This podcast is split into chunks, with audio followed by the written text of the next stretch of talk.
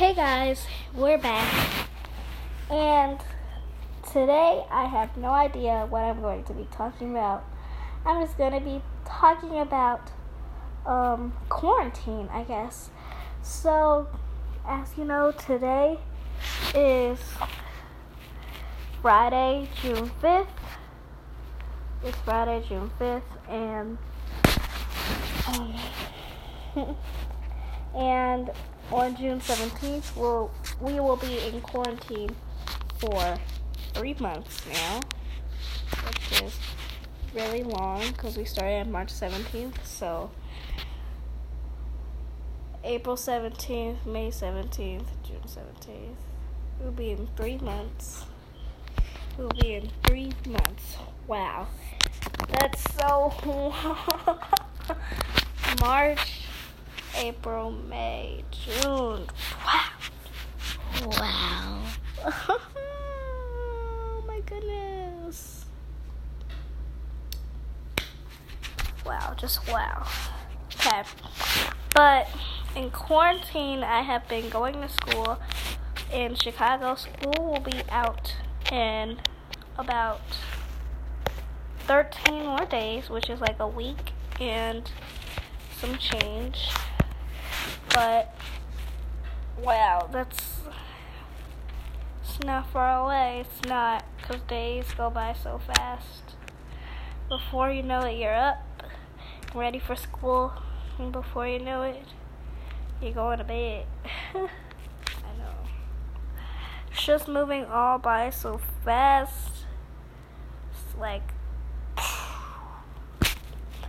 mind just exploded, exploded. But, anyways, in quarantine, like I said, I would just be going to school and on the weekends just watching TV and going outside.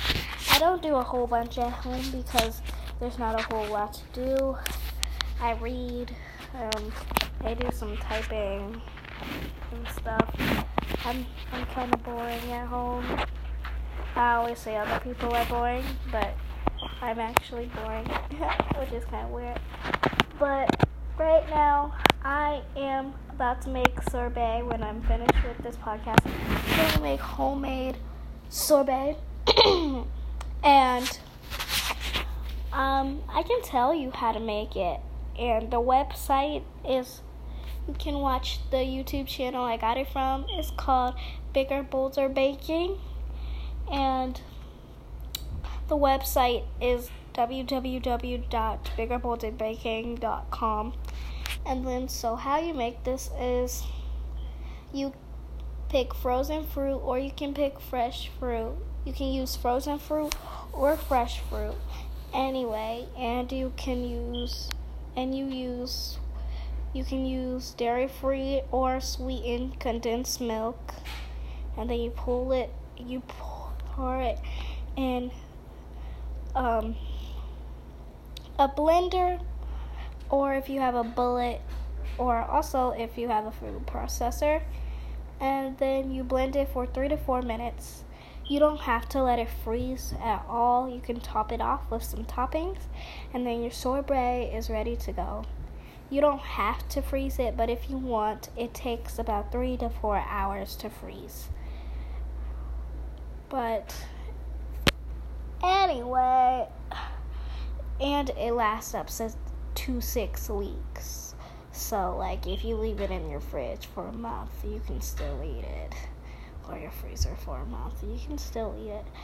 But I think I'm going to like this sorbet because she did raspberry, chocolate, banana, cantaloupe, all those different types of flavors on her channel. So go check it out. But the frozen fruit I have is strawberries. I have frozen strawberries and I have fresh strawberries. I could have did banana, but we don't have any more bananas. And then I have frozen cantaloupe and frozen blueberry. So I'm going to do blueberry sorbet. And I have a can of condensed milk. But we are going to make this sorbet. We're not to do a whole bunch or anything. Just to make some sorbet homemade.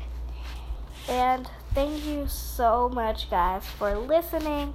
And thank you for listening again because I know I'm super boring. So, love you guys so much. Bye. Mwah.